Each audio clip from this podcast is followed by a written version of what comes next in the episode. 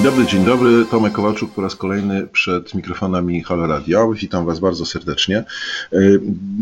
Muszę Wam powiedzieć, że mm, ja jestem mieszczuchem od wielu lat. E, właściwie nie od wielu lat, od, no, pewnie od wielu lat, ale od urodzenia po prostu. Nawet e, jestem mieszczuchem z kilku pokoleń e, i w związku z tym wieś jest dla mnie takim pojęciem sielankowym może trochę, rodem z Szymonowica albo, albo właśnie wręcz odwrotnie, takim miejscem ciężkiej pracy e, zmitologizowanej, e, takiego miejsc, takim miejscem, w którym powstaje nasza żywność i dzięki e, któremu i dzięki ludziom, którzy tam żyją, normalnie możemy sobie żyć, możemy pójść do sklepu, do warzywniaka albo do sklepu spożywczego i kupić bardzo dobre jedzenie i zjeść i być zarówno zadowolonym w sensie smakowym, jak i zdrowotnym. I taki obraz wsi, y, tudzież rolnictwa, tudzież rolnika e, mam od y, wielu, wielu lat, w zasadzie od urodzenia. Jakieś doświadczenia oczywiście mam. To, to, że jestem mieszczuchem, nie oznacza, że nigdy z tego miasta nie wyjechałem e, i za granicę i nie widziałem wsi na własne oczy, więc trochę może przesadzam, ale mm, jednak y, obserwuję mm, sytuację związaną z wsią od wielu lat, może nie w pierwszym planie, ale jednak obserwuję w różnych miejscach Polski. I e, mam pewne kłopoty, jakby to powiedzieć, definicyjne. E, jeszcze kiedyś, e, dawno, dawno temu, 20-25 lat temu, jak miałem takie doświadczenie, że jak się wjeżdżało do wsi właśnie, to w zasadzie jak człowiek był spragniony, to mógł skorzystać z uprzejmości gospodarza czy gospodyni i poprosić na przykład o szklankę świeżego mleka albo kupić świeże jajka, jakby tam gdzieś w pobliżu na przykład biwakował e, i tak dalej, i tak dalej. Czyli miałem takie oczywiste i naturalne skojarzenie z tym, że można e, wejść do no, w zasadzie każdego e, gospodarstwa i taki, taką pomoc uzyskać. Teraz y, y, mam kłopot już jednak zasadniczy, tak? dlatego że jak wjeżdżam do wsi, to po pierwsze okazuje się, że e, w mm, y, poszukiwaniu jajek świeżych, no to muszę się udać lepiej do sklepu pobliskiego. E, nagle się okazuje, że stoi wielki płot i jest jakiś w zasadzie przedsiębiorstwo, jakieś, jakaś fabryka, jakbyśmy to powiedzieli, która ciągnie się hektarami. Krajobraz wsi, a, a obok pojawiają się jak to mówi mój przyjaciel, hacjendy e, różnych osób, które przyjeżdżają z miasta i e, gdzieś pod, pod, lasem, e, gdzieś niedaleko jeziora albo rzeczki zakładają sobie swoje siedlisko i w zasadzie z rolnictwem w ogóle nie mają nic wspólnego jeżdżą w miarę dobrym samochodem, przyjeżdżają z miasta, y, mają y, gości, którzy przyjeżdżają z tego miasta, siedzą sobie, nie wiem, piszą książki albo zajmują się pracą zdalną y, z komputerem i tak dalej, i tak dalej, i tak dalej. I Mam zatem, jak powiedziałem, kłopot definicyjny. Na czym w tej chwili polega wieś, y, kim jest rolnik. My mówimy, y, my mówimy o rolnictwie, my mówimy o wsi, my mówimy o mieszkańcach wsi, właśnie o rolnikach, y, ale w gruncie rzeczy przestała być to nazwa, czy przestały być to nazwy jednoznaczne, jednorodne i warto o tym powiedzieć. W takim aspekcie politycznym, jakby to obejrzeć, to najlepszym probierzem jest elektorat Polskiego Stronnictwa Ludowego. Jak sobie przypomnimy sytuację sprzed 20-25 lat znowu, no to w zasadzie Polskie Stronnictwo Ludowe miało taką wykrojoną niszę, całkiem sporą niszę, co pozwalało Polskiemu Stronnictwu Ludowemu w zasadzie w cuglach zawsze wygrywać, e, zawsze się dostawać do parlamentu, wygrywać wybory e, miejscowe, ponieważ e, były taki rodzaj przypisania mieszkańców wsi do PSL-u. Oni właśnie ludowcy, tradycji Witosa, ludzie związani z ziemią, z rolnictwem i tak dalej, i tak dalej. I oni tradycyjnie byli związani z PSL-em. Później to właśnie w, w sferze politycznej bardzo wyraźnie było widać, że to się wszystko rozeszło. E, kończę już moją, jak zwykle, przydługą preambułę, e, ponieważ oczywiście więcej już nie mam niewiele, mam niewiele do powiedzenia. Zadałem tylko jakieś pytanie i mm, chciałbym, żeby ktoś mądry na to pytanie mi odpowiedział. W związku z tym Poprosiłem dzisiaj y, o pomoc y, panią Justynę Zwolińską z Uniwersytetu Humanistycznego SWPS, doktorantkę y, w Instytucie Nauki o Żywieniu Człowieka, specjalistkę od ochrony środowiska w rolnictwie, a co bardzo interesujące, również znawczynię zachowań zwierząt, która umie się komunikować ze zwierzętami, więc jest rodzajem doktora Doolittle. E, bardzo, bardzo serdecznie witam panią panią Justynę i, i ponieważ pani Justyna wstępnie wyraziła w rozmowie telefonicznej przyzwolenie na to, żebyśmy sobie mówili po imieniu, to jeśli pozwolisz, Justyno, to, to też powitam Cię już bardziej e, familiarnie, również w ten sposób. Dzień dobry. Witam serdecznie Tomku, witam serdecznie Państwa. E, dziękuję, że podjęliście Państwo się rozmowy na ten temat, dlatego że zarówno rolnictwo, jak i wieś e, nie są tematami chętnie podejmowanymi przez media. Teraz to się trochę zmienia. Natomiast e, ja, jako jeszcze może powiem przede wszystkim koordynatorka koalicji Żywa Ziemia, czyli takiej mhm. koalicji kilkudziesięciu, kilku, tak, już w tej chwili tak mogę powiedzieć, bo jest nas ponad, ponad 20 organizacji. E, staramy się właśnie wypełniać taką rolę społeczną w dbaniu o te tematy i też próbie wpływu na decyzje polityczne dotyczące rolnictwa i e, rozwoju obszarów wiejskich. E, I cieszymy się za każdym razem, kiedy ktoś z dziennikarzy, tak, któreś medium chce porozmawiać o, o tym temacie. Także dziękuję bardzo. Y, dobrze, bardzo się cieszę z kolei ja. Y, y, mnie ten temat zawsze bardzo interesował, powiem szczerze. Ja nie czuję się tutaj wielkim fachowcem, ale, no ale jakoś jesteśmy fachowcami wszyscy po trochu, no bo wszyscy jesteśmy konsumentami i no, świadomy konsument chciałby, żeby to rolnictwo nasze było wspaniałe, dobre i żeby dawało nam bardzo dobre produkty.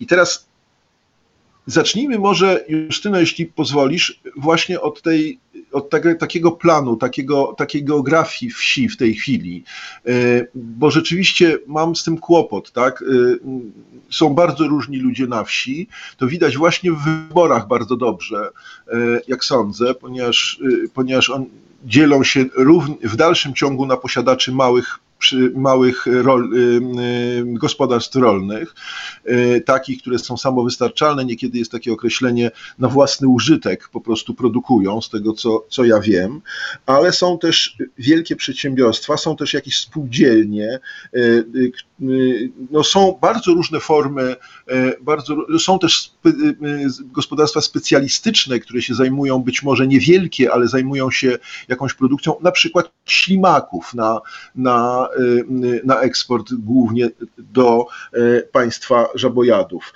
Więc, y, więc jak ty byś nakreśliła taką mapę wsi w tej chwili? Jak, jaka jest struktura tych, tej, tej, tej, tego miejsca? Ja myślę, ja myślę, że powinniśmy zacząć tak naprawdę od rysu historycznego. Mhm. I tutaj y, powinniśmy zwrócić uwagę na taką pierwszą podstawową rzecz, która kształtuje na przykład strukturę wielkości gospodarstw w Polsce. Bo jak sam Tomku zauważyłeś, mamy gospodarstwa bardzo małe, jedno, dwuhektarowe, ale mamy już w tej chwili gospodarstwa, które mają tysiące hektarów. Tak. I naturalną koleją rzeczy y, południowy wschód Polski, tam gdzie był na przykład zabór austriacki i tam gdzie jest górzyste ukształtowanie terenu, tam będziemy mieli przewagę gospodarstw małych. Mhm. Natomiast w momencie, kiedy się skierujemy na północny zachód e, Polski, jeszcze bym powiedziała, tutaj Warmię i Mazury też bym włączyła, czyli tam, gdzie się rozciągał zabór pruski i tam, gdzie były budowane duże gospodarstwa rolne, takie właśnie, które miały być produkcyjne, to tam również po tej również spuściźnie PGR-owskiej, tak, bo tam były mhm. właśnie duże państwowe gospodarstwa rolne, no to siłą rzeczy te gospodarstwa mamy znacznie większe, ale średnio średnio, średnią wielkość gospodarstwa w Polsce to mamy 11 hektarów. Mm. Tak, czyli przy, od razu widać, że przeważają gospodarstwa właśnie poniżej 5 hektarów. Y, jest trochę, trochę już później hektarów takich do y, gospodarstw takich do 20 hektarów, do 50, a właściwie bym powiedziała może tak w tej chwili do 3% mamy gospodarstw rzeczywiście bardzo dużych, tak zwanych gospodarstw wysokotowarowych.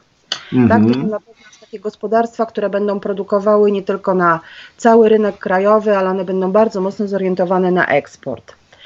I teraz y, mamy jeszcze jedną kwestię, a mianowicie to, że y, to, że nie udało się znacjonalizować ziemi rolnej w Polsce, tak. jest kwestią tego, że udało nam się właśnie zachować y, te małe gospodarstwa, jednak chłopi, czy można powiedzieć rolnicy, stawiali ogromny opór przeciwko, przeciwko zabieraniu im ziemi, ale też kwestia tego, że E, system nie pozwalał, taki państwowy system nie pozwalał po wojnie wyprodukować odpowiedniej ilości żywności, spowodowało, że te małe gospodarstwa zostawiono w spokoju tak naprawdę. Władza komunistyczna bała się strajków, bała się oporu związanego właśnie z niedoborem żywności i to była bardziej decyzja polityczna niż jakakolwiek e, inna, żeby ten, te małe gospodarstwa, które jednak potrafiły znacznie lepiej produkować i stawi, stanowiły takie zaplecze dla bezpieczeństwa żywnościowego w tamtych czasach, pozostawić w spokoju. Nie jest to Czyli jak mówisz, jak mówisz, y, przepraszam cię bardzo, jak mówisz Justyno bezpieczeństwa y, społecznego, to, to w zasadzie mówisz bezpieczeństwa politycznego, tak? Bo, bo to jest bardzo istotne, prawda, ten, ten aspekt. Znaczy niedobór żywności i głód jest zawsze Jasne. jednym z powodów do tego, żeby rodził się konflikt społeczny, czy to konflikt wewnętrzny, czy to konflikt poza, e, pozapaństwowy. Więc oczywiście tak, żeby nie było rozruchów, żeby nie doszło na przykład do przewrotu władzy, to wtedy to starano się um, uzupełnić te braki y, żywności wówczas na rynku, bo państwowe gospodarstwa, gospodarstwa rolne nie nastarczały z produkcją, tak mm-hmm. pozostawiono tą strukturę małych gospodarstw. I mamy tą spuściznę. Nie jest to na przykład doświadczenie Czechów, tak, którzy tak. mają w tej chwili właściwie bardzo tylko wielkie, wielkie gospodarstwa, właśnie taką spuściznę po e, pegierach, tak można, tak można powiedzieć. Mhm. Ale tutaj mamy jeszcze jedną kwestię, która też bardzo czy. Czy, czy, słynne, czy słynne kołchozy e, rosyjskie, prawda, czy radzieckie kołchozy, e, e, które w zasadzie taka nazwa, która, która kiedyś funkcjonowała bardzo, bardzo wyraźnie w świadomości społecznej. Ja kiedyś pamiętam, że gościliśmy na Uniwersytecie Warszawskim studentów z Moskwy. Ja ich tam obwoziłem też trochę po Polsce i oni patrzyli na te pola pola, mówili, że właśnie takie, e, takie różnorodne i, i, i byli bardzo zdziwieni, w zasadzie nie dochodziło do ich e, mentalności w ogóle, to było dla mnie zaskakujące, że to jest własność prywatna. Oni myśleli, że no, że ja mówię, to jest ich. Jak to ich? Dzierżawione znaczy. Nie, nie dzierżawione, ich własność. E, było to zupełnie poza doświadczeniem rzeczywiście innych państw socjalistycznych. Tak, no to właśnie dokładnie o tym mówimy o przykładzie, ale jeżeli też sobie sięgniemy do historii, to wiemy, że wielki głód na Ukrainie tak. e, gdzie umarły miliony osób, wiązał się również właśnie z przejściem z systemu takiego prywatnego rolnictwa na właśnie upaństwo, nacjonalizację i upaństwowienie takie na, takie na siłę. Mhm. Więc to mamy tutaj tą, bym powiedziała, taką pierwszą kwestię, już sięgając daleko do, do historii. Mhm. Druga kwestia jest inna natomiast, a mianowicie nawet jeżeli ziemia rolna pozostawała w rękach rolników, to mieliśmy upaństwowienie środków produkcji. Tak, tak, a mianowicie było centralne zarządzanie dostępem do nasion, do maszyn, mm -hmm. w którymś momencie również do nawozów sztucznych, w momencie kiedy w latach 70. nawozy sztuczne zaczęły mocno wchodzić do, do Polski i muszę, muszę Państwu to opowiedzieć taką to nawet nie jest anegdota, to jest po prostu historia, którą akurat z kolei moja mama mi opowiadała, która to pamięta, że Rolnicy na początku, ponieważ mieli zwierzęta w gospodarstwach i oni nie potrzebowali żadnych innych nawozów, ponieważ mieli swoje własne właśnie z produkcji zwierzęcej, zupełnie nie, nie rozumieli, dlaczego zmusza się ich do zastosowania nawozów sztucznych, e, bo to była mhm. oczywiście też taka decyzja scentralizowana i stawiali opór. Oni nie chcieli tego robić.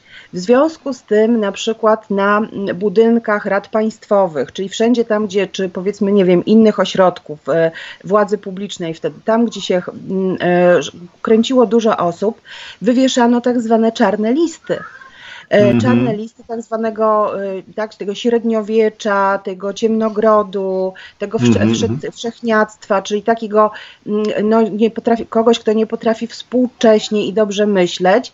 Z imienia i nazwiska wymiano, wymieniano rolników, którzy nie chcieli stosować nawozów sztucznych.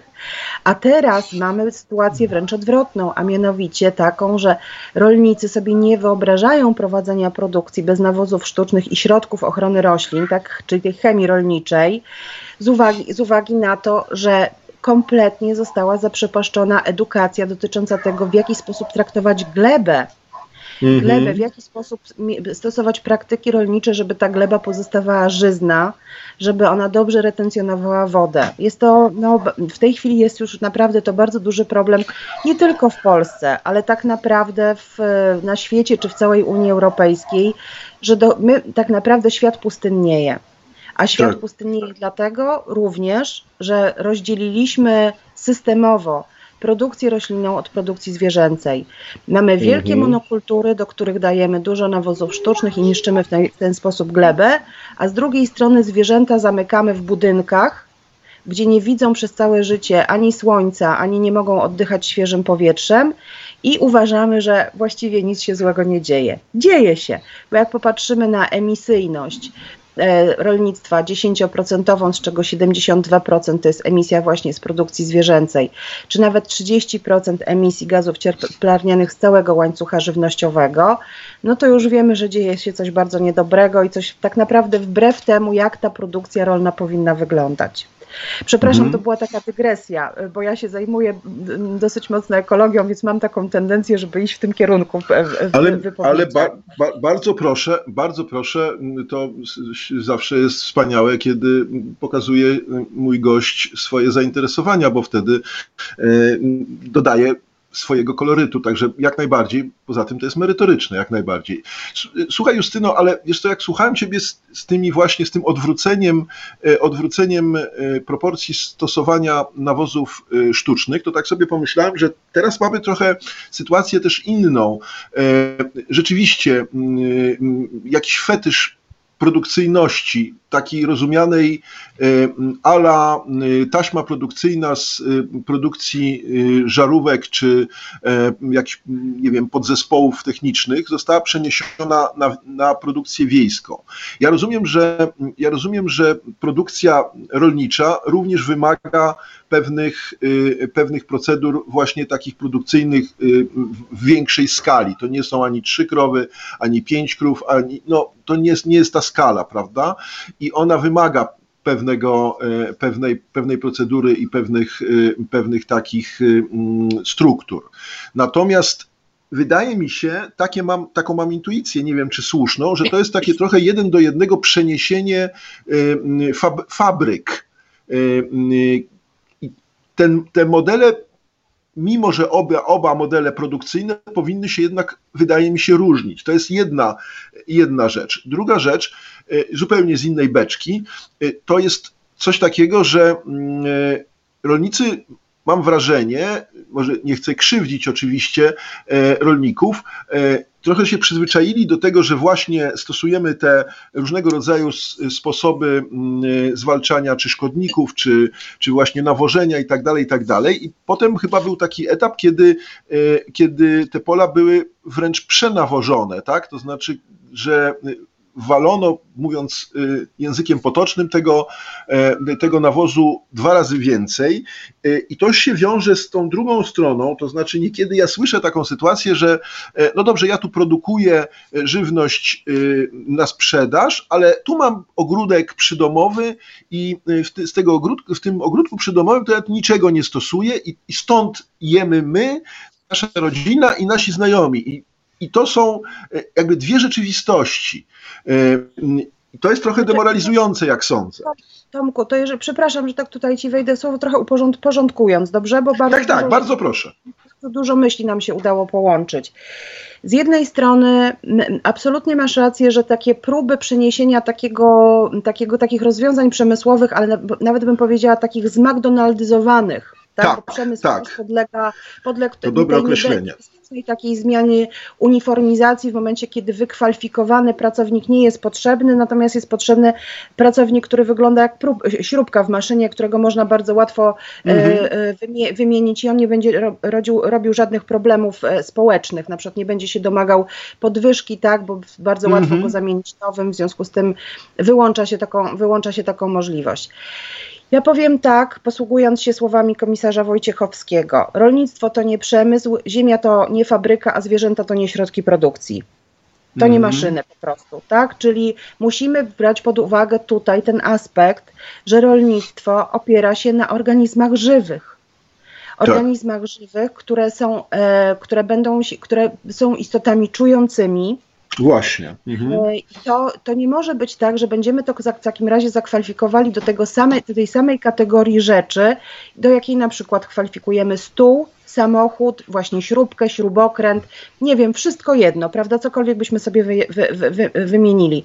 Zresztą, jeżeli Państwo zwrócą uwagę, to e, my nawet wśród rzeczy rozróżniamy te, które mają dla nas e, wartość różną od ekonomicznej po sentymentalną, ale wśród rzeczy na przykład te, które mają ogromną, ogromną wartość kulturową czy, e, czy dla naszej tradycji, również jesteśmy oburzeni w momencie, kiedy one, te rzeczy są gorzej traktowane, tak w jakiś sposób są, nie wiem, niszczone, dochodzi do jakiegoś wandalizmu i tak dalej. A tutaj mamy do czynienia, i to jest właśnie ten ogromny problem, że produkcja zwierzęca właśnie poszła w, w, kierunku takiego uprzedmiotowienia zwierzęcia, takiego absolutnie zrobienia mm -hmm. z niego mhm. takiego środka produkcji, takiej maszyny do wytwarzania e, żywności, a jednocześnie... Ale wiesz co, przepraszam, przepraszam Cię Justyno, ja bym to rozszerzył, y, jeśli się zgodzisz oczywiście, uprzedmiotowienia i zwierzęcia i nawet tego pola, bo nam się wydaje, że to pole to takie pole, no, no ziemia, no cześć, prawda, ale y, ono też ma swój ekosystem, ono też jest w jakimś sensie żyjące, tak? Nie wiem, czy nie jestem za, za, e, za radykalny. Mhm. Nie, nie, jest bardzo, masz rację, jest bardzo żyjące, dlatego że na jednej łyżce e, dobrej, na jednej łyżce takiej, którą my zjadamy zupę, jeżeli sobie weźmiemy glebę, która jest naprawdę zdrowa, to mamy tam więcej żyjących mikroorganizmów w tej glebie niż nas jest, nas jest wszystkich na całej planecie. To jest mm -hmm. bardzo ciekawe. Nawet nie wiem, parę, parę, razy, parę razy więcej.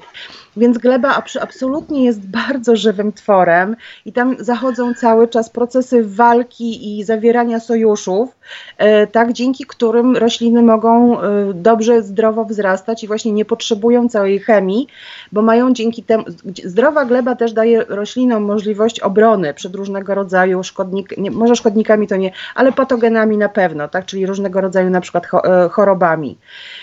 Ale ja jeszcze chciałabym powiedzieć o czymś takim, mhm. że e, ten okres, o którym my mówimy, czyli taki, po pierwsze, to ten rys historyczny, który nadaliśmy tutaj polskiemu rolnictwu, mhm. w połączeniu też tak naprawdę z tym, że to upaństwowienie środków produkcji mm, i takie zmuszanie rolników do współpracy odgórnej wywoływało wręcz przeciwny efekt, słynne SKR-y takie, czyli takie kółka, tak. Kółka rolnicze, które tak naprawdę były takim kolesiowskim, kolesiowskim układem, bardzo zniechęcały rolników do współpracy. Szkoda, bo teraz mamy tego, mm, tego jakby pokłosie, tak, czyli taką, taką niechęć do podejmowania współpracy, współpracy, takie odseparowywanie się, to nie jest też, to nie jest dobre zjawisko, zjawisko społeczne, ale tak naprawdę tym, co tutaj w tej chwili najbardziej rzutuje na e, polskie rolnictwo jest oczywiście to, że w 2004 roku weszliśmy do Unii Europejskiej i podążamy za tym, co wyznacza wspólna polityka rolna, która y, ma co 7 lat ustalany swój budżet, gdzie urzędnicy tak, i politycy planują, na co w rolnictwie będą wydane pieniądze. I y, te ostatnie lata, zwłaszcza, bo było bardzo wiele pomyłek oczywiście przy wydawnictwie tych pieniędzy we wspólnej polityce rolnej, ale zwłaszcza te ostatnie lata pokazały, no bym powiedziała tak bardzo, bardzo wyraźnie, że pieniądze, które my płacimy ze swojej pieniędzy, tak, dlatego że każdy nas jest, nas jest podatnikiem i około tych 120 euro do, z kieszeni swojej oddaje na wspólną politykę e, rolną co roku, czyli te pieniądze publiczne, które gromadzimy w ramach tego budżetu na rolnictwo w Unii Europejskiej, idą tak naprawdę do bardzo dużych gospodarstw i do bardzo dużej, intensywnej produkcji. Bo mamy taki system, mhm. że płacimy do hektara, więc im więcej tych hektarów, tym większa Jasne. jest ta dopłata tak, a im większa jest koncentracja zwierząt, e, tym, tym, że jakby powiem, to jest przyspieszenie produkcji. Przy okazji wspieramy również produkcję pasz, wspieramy takie tak zwane działy niby specjalne rolnictwa, czyli właśnie taką produkcję zwierzęcą. I jak mhm. podsumujemy sobie te wszystkie e, kwoty, to wychodzi, że przynajmniej 30% tego budżetu wspólnej polityki rolnej idzie właśnie na rozwój tego typu przemysłowej, jak Tomku zauważyłeś, intensywnej mhm. produkcji, a, z jednej, a, z jednej, a jednocześnie mamy tak, e, spadek o 25% e, liczby gospodarstw rolnych w całej Unii Europejskiej, czyli po prostu 1 czwarta gospodarstw zniknęła w ciągu ostatnich 10-15 lat. I mamy również 30%, 30 spadek produkcji zwierzęcej w tych gospodarstwach, czyli te małe, średnie gospodarstwa pozbywają się zwierząt, a dochodzi właśnie do takiej fabrycznej, tak, czy przemysłowej koncentracji zwierząt e, na małym obszarze i w związku z tym mamy te e, fermy przemysłowe, które też na tą współczesną wieś oddziaływują w ten sposób, że nie da się wokół, wokół nich mieszkać. Nie da tak. się wokół nich mieszkać. 500 gmin w Polsce protestuje już w tej chwili przed takimi, przed takimi rozwiązaniami. Więc podsumowując, żeby już tak może nie przedłużać, powiedziałabym tak że nie możemy, bo, bo, my lubimy robić taki podział, bo polski rolnik to coś tam, niemiecki rolnik to coś tam, norweski, fiński, mm -hmm, holenderski mm -hmm. i tak dalej. Oczywiście, że są pewne zaszłości w płatnościach, w, w, rozwiązaniach indywidualnych w poszczególnym kraju, ale w tej chwili, jeżeli ja miałabym podsumować sytuację, to małe gospodarstwa rolne, które tak naprawdę żywią świat, stanowią dwie trzecie takich gospodarstw na świecie i w Unii Europejskiej również one przeważają, czyli takie 5-10 hektarów, e, bronią się rękami i nogami przed naporem agroprzemysłu. Czyli takiego, mhm. który chce zawłaszczyć właśnie tą e, produkcję rolną od e, A do Z, tak, i który nie liczy się z tym, że nie liczy się z tym, że produkcja ma swoje koszty środowiskowe, w związku z tym jest to taka bardzo grabieżcza polityka. Przyjść mhm. w dane miejsce, wyjałowić glebę, wybrać zasoby wodne, pójść sobie w kolejne miejsce i zrobić dokładnie to samo. Mhm. Tego żaden prawdziwy rolnik nie zrobi, dlatego że dla niego to miejsce produkcji jest również miejscem życia. Więc on nie może tak. sobie pozwolić na takie rozwiązania, żeby się ogołocić z zasobu, dzięki któremu żyje, i dzięki któremu myśli o tym, żeby przekazać dalej tą swoją schedę, y, tak gospodarstwo rolne na przykład dzieciom i wnukom. Ale tu jest mhm. znowu problem, dlatego że dzieci rolników nie chcą zostawać na wsi. I nie tylko w Polsce, Dokładnie. ale też mhm. w całej Unii Europejskiej. Y, wieś, wieś się wyludnia, no ale jak tracimy małe gospodarstwa, to wiadomo, że ta żywotność tych terenów wiejskich jest mniejsza. E, i starzeją się, i starzeje się również populacja rolników, tak? Czyli to się tak nazywa ładnie kierownik gospodarstwa rolnego, czyli oni mhm. w tej mhm. chwili większość ma powyżej 55 czy 65 lat. I teraz jakie jest ryzyko związane z ich odejściem? No nie ma powiedz po pierwsze kontynuacji tej produkcji, ale również nie ma kogoś, kto by wiedzę przekazał. Mhm. A praktyka znaczy bardzo dużo. Więc ja bym powiedziała tak, że zabrakło w tych wszystkich rozwiązaniach pomysłu dla, dla roli, którą by mogły pełnić małe gospodarstwa, średnie gospodarstwa e, w rolnictwie, a one mogłyby pełnić fantastyczną rolę produkcji żywności wysokiej jakości, na przykład żywności ekologicznej, w takiej skali lokalnej. One nie musiałyby mhm. produkować nawet na, e, że tak powiem, rynek całego kraju. One na pewno nie produkowałyby po to, żeby żywność eksportować, ale w takich lokalnych ojczyznach zapewniałyby z pewnością bezpieczeństwo żywnościowe i to dobrej jakości, bo to byłaby wtedy żywność świeża, e, nisko mm -hmm. przetworzona w warunkach domowych. No i przede wszystkim, jeżeli doszłoby jakiegoś takiego konsensusu społecznego, to również przestałaby być to żywność tak zatruwana właśnie tymi pestycydami, czy też, nie wiem, tak. nawozami sztucznymi bo ma nasz Tomku absolutnie rację, że niestety, ponieważ też historycznie mamy, bo kiedyś spółdzielczość spożywcza była niezwykle silna w Polsce przed tak, wojną. Tak, tak Ona było. została również rozbita przez władze komunistyczne z uwagi na to, żeby oddzielić wieś od miasta. Dokładnie to jest ta sama, tak, żeby jakby dziel i rządź, czyli ta sama mhm. decyzja polityczna. I też mamy tego w tej chwili skutki. To się zmienia oczywiście, powoli, powoli ale to wyrazem tego jest na przykład to, że pan e, rolnik ma na przykład truskawki, które zalewa chemią i one później idą na sprzedaż powiedzmy do dzieci w mieście, ale obok ma grządkę ze swoimi truskawkami, których nie pryska, bo one są dla jego dzieci i wnuków. No właśnie. Mhm. No tak, ale wiesz, to, bo to, to, to, tworzy też y, antagonizmy, zawsze były te antagonizmy, one były wygrywane, jak już y, zaczęłaś od y, rysu historycznego, który rzeczywiście jest niebywale ciekawy i żeby zrozumieć wiele rzeczy, warto do niego wracać, to, to przecież były te antagonizmy, bo sama mówiłaś o tym, że i słusznie oczywiście, że ceny żywności, czy dostępność żywności, a potem ceny żywności były takim jednym z najważniejszych czynników politycznych, tak? I do dzisiaj zresztą to wiemy, bo y, wszelkiego rodzaju liczenie, ile, ile zdrożał koszyk podstawowych zakupów, y, w którym przede, przede wszystkim jest żywność, y, decyduje o nastrojach politycznych. W związku z tym ja pamiętam z czasów późnego Gierka, kiedy były całe listy tych, tych, tych produktów, które tam dekretem państwowym zostały y, y, ceny ich zostały obniżone bądź podwyższone. I one zawsze miały wydźwięk polityczny,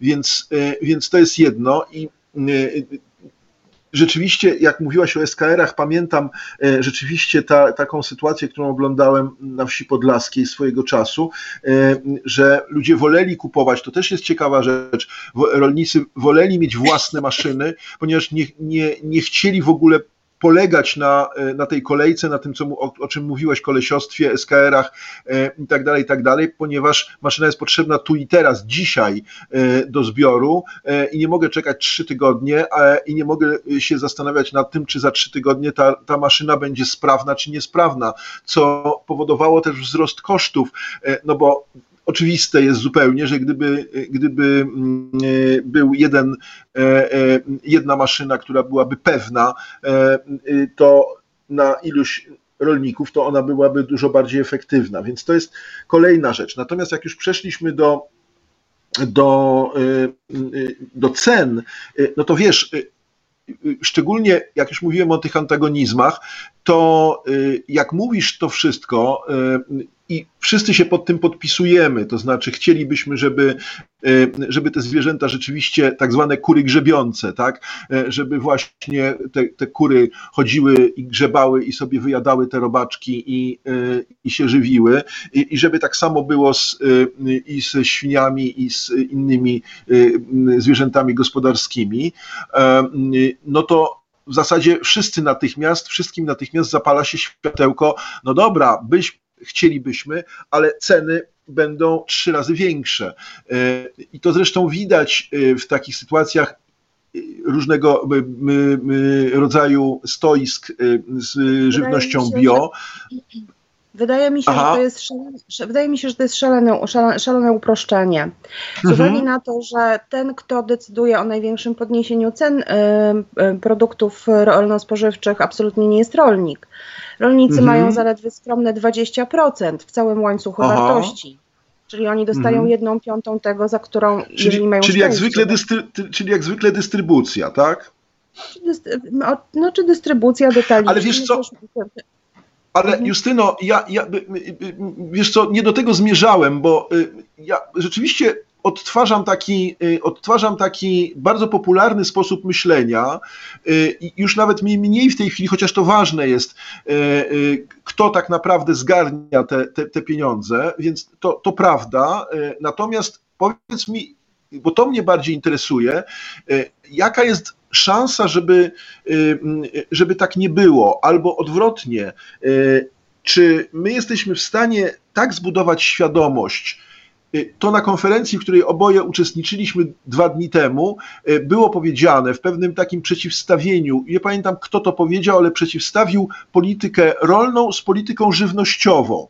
I pokazał, że ta polityka żywnościowa to nie jest tylko rolnictwo, ale, y, ale cały szereg różnych innych składników zdrowotnych, ekonomicznych, kulturowych i tak dalej, które generalnie wpływają, określają politykę żywnościową. To jest bardzo, mi się wydaje, fundamentalne rozróżnienie, ale takie, które wymaga du dużej pracy edukacyjnej, świadomościowej, żebyśmy Dobrze, inaczej, mhm. inaczej jedli, inaczej jedli i być może się trochę godzili na to, że, że zjemy lepiej, ale trochę drożej. Polityka żywnościowa ma takie dwa główne założenia. E, polityka żywnościowa zakłada to, że rolnictwo jest właśnie podporządkowane produkcji żywności i to takiej żywności, mhm. która byłaby dostępna i miała te wszystkie składniki odżywcze, których potrzebujemy tak? Czyli żeby właśnie nie była podporządkowana produkcji takiej przemysłowej, zwierzęcej, gdzie ziemię się e, bierze pod e, głównie paszę dla zwierząt, czyli nie produkuje się bezpośrednio dla ludzi, ale produkuje Aha. się właśnie dla zwierząt. I druga rzecz jest taka, również nie, nie bierze się tej ziemi rolnej, zwłaszcza dobrej jakości, pod na przykład produkcję biopaliw. Tak? Czyli na takie, na takie e, cele, cele przemysłowe. E, bo mam, mniej więcej mamy taką właśnie tendencję na, na świecie. W Polsce może z tymi biopaliwami trochę mniej, ale jeżeli chodzi o paszę, to, to rzeczywiście tak to e, wygląda. I drugim założeniem polityki e, żywnościowej jest to, że rolnictwo to jest właśnie nie tylko produkcja żywności, czyli to, co dają, to, to, co dają obszary wiejskie, czyli całą możliwość skorzystania z eko, ekosystemowych usług tak? Czyli te wszystkie dobra wspólne, które zapewnia rolnictwo również, w połączeniu właśnie z obszarami wiejskimi, czyli te miejsca, w których możemy wypocząć, te miejsca przyrodnicze, mhm. tak e, jakby w, w, wszystko to, co dla nas się liczy w, w innym znaczeniu niż tylko dostarczanie sobie właśnie żywności odpowiedniej jakości i w odpowiedniej, e, w odpowiedniej ilości jest bardzo mocno powiązane z tym, jak wygląda rolnictwo i to, czego rolnictwo może dostarczyć. I im bardziej mm. rolnictwo jest w swoim, w tym, w tym wymiarze produkcyjnym przyjazne środowisku, klimatowi, zwierzętom, przyrodzie, tym więcej tych dóbr wspólnych dostarcza i powinniśmy e, mu płacić za to, że z uwagi na to, że na przykład niektóre tereny wyłącza spod produkcji, produkcji albo pra, produkuje bardziej ekstensywnie, albo właśnie dba o, nie wiem, siedliska ptaków, tak, e, możliwość przeżycia owadów zapylających i tak dalej, i tak dalej, to to powinno być mu on powinien mieć, za, po, po, to właśnie powinno być opłacane. Taki, taki rolnik powinien dostawać najwięcej pieniędzy publicznych z uwagi na to, że pełni tak wiele ról. Oprócz mhm. tego, że produkuje oczywiście y, żywność.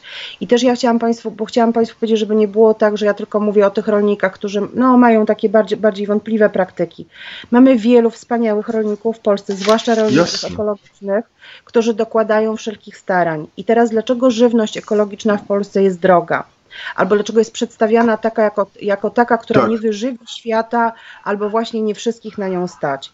Więc tak, zacznę od tego, y, co to jest za porównanie, że y, produkcja ekologiczna jest mniej wydajna niż produkcja powiedzmy konwencjonalna czy przemysłowa.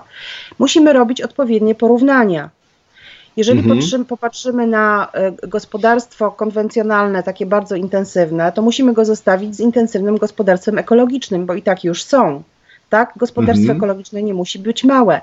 Największe gospodarstwo biodynamiczne, proszę Państwa, czyli jeszcze o oczko wyżej od ekologicznego, wyżej, tak. Mhm. E, ma 1500 hektarów w Polsce, w Juchowie i radzi sobie fantastycznie i świetnie i nie mają problemu z wodą, nie mają problemu z glebą.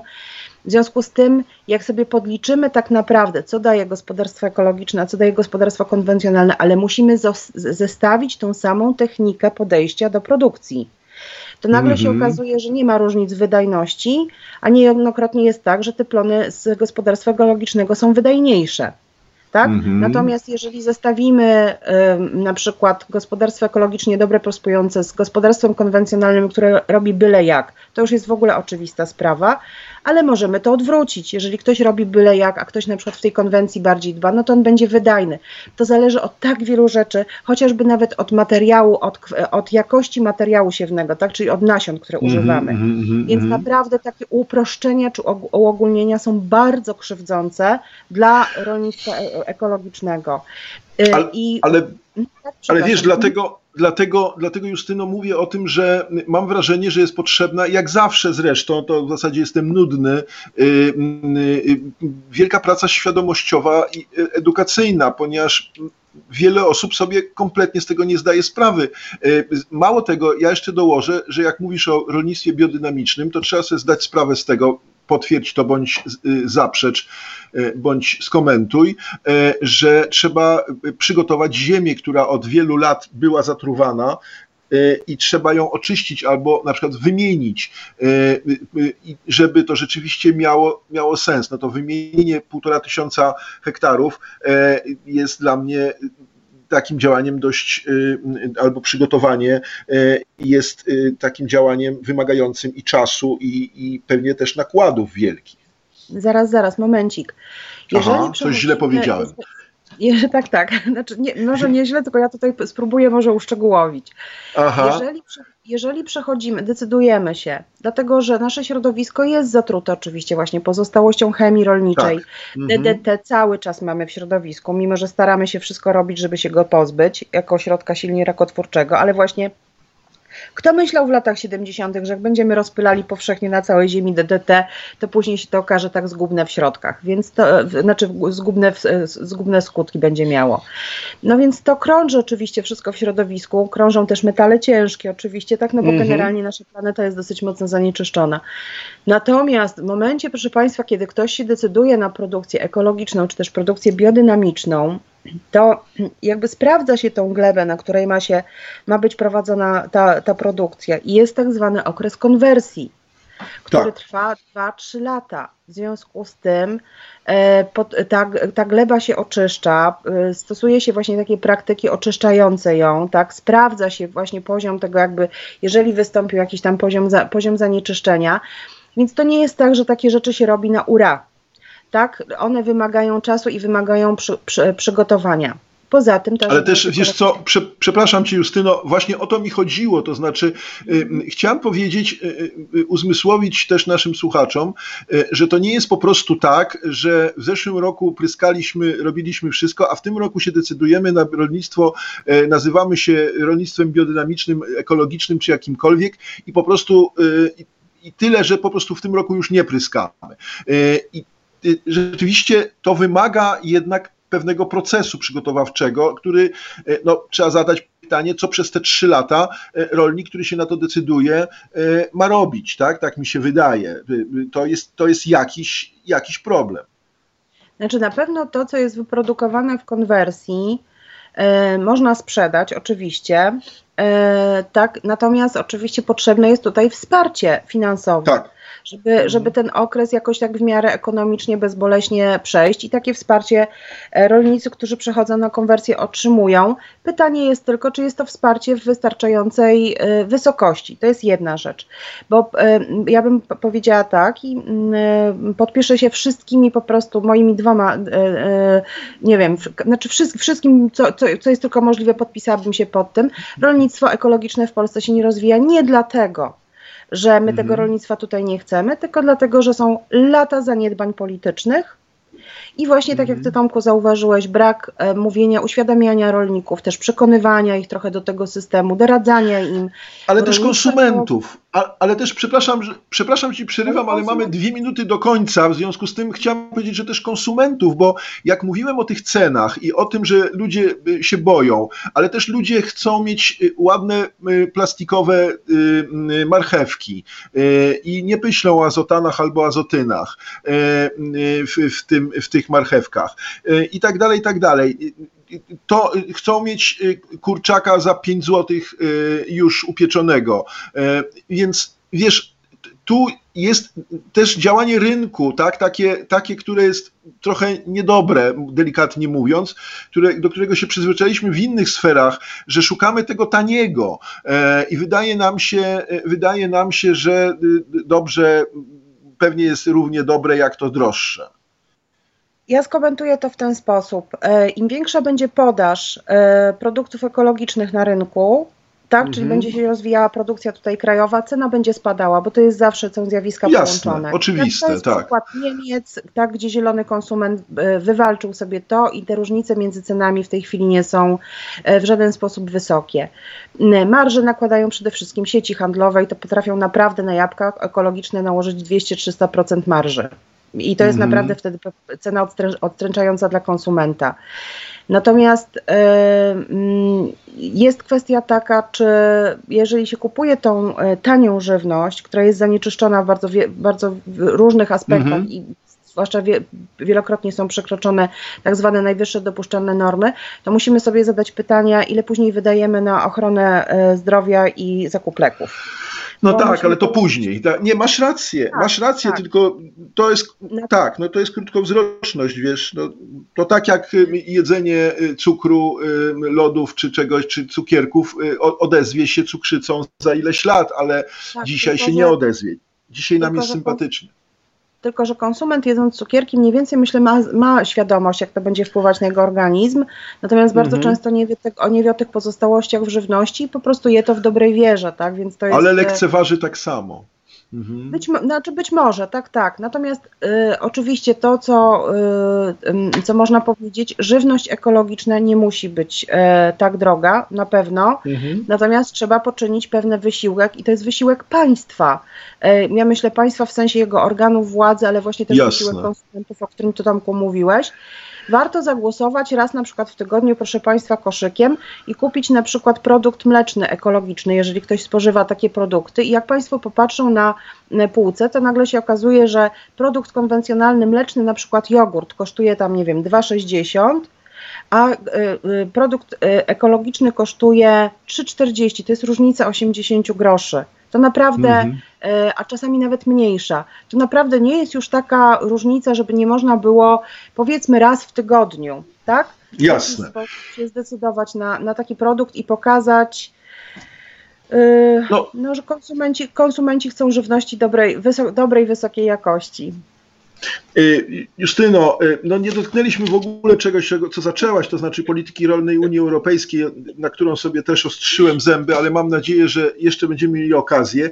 Ja y, też powiem jedną rzecz na koniec do, do tego, co ty powiedziałaś teraz to jest trochę koło zamknięte, tak? Znaczy, ja bym się też obawiał, mówię to trochę jako adwokat diabła, bo się zgadzam z Tobą oczywiście, że fajnie zagłosować, pokazać, że chcemy tej y, y, y, żywności zdrowej, ale z drugiej strony no jest taka świadomość tych wielkich dystrybutorów sieci handlowych, że oni się tylko ucieszą i tak naprawdę oni na tym wygrają, ponieważ, ponieważ moda na, mówię w dobrym sensie, moda na ci, ci ludzie świadomi są w stanie zapłacić, no to oni nie zniosą tych cen, tylko będą dalej się cieszyli, że są nabywcy na coś, co, co mają 200% marży.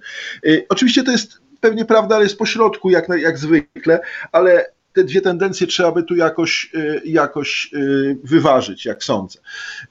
ale już nie ma. Na, to może się umówimy na kolejną rozmowę tylko Z wielką o tym, jak, jak, skłaca, jak skracać łańcuchy dostaw i jak sprawić, żeby Dobra. konsument kupować bezpośrednio od rolnika. Dobrze, dobrze, dobrze, dobrze, czyli inaczej mówiąc, y, coś, co na konferencji nazywało się też odbudowywaniem relacji miasto-wieś e, y, i różnych y, kooperatywach i tak dalej, i tak dalej, inicjatywach bardzo ciekawych, porozmawiamy innym razem. Dziękuję Ci bardzo, Justyno, za wspaniałą rozmowę i życzę Ci wszystkiego dobrego i oczywiście biegnę do sklepu. Dzisiaj sobota to otwarte i kupię jakiś jogurt e, ekologiczny, jak kazałaś. Dziękuję bardzo. Ja również życzę wszystkiego dobrego i, y, i Tobie, Tomku, i oczywiście słuchaczom. Dziękuję. Dziękuję bardzo. Dziękuję Wam i do usłyszenia następnym razem. Wspieraj niezależne Halo Radio, które mówi wszystko. www.halo.radio ukośnik SOS. Dziękujemy.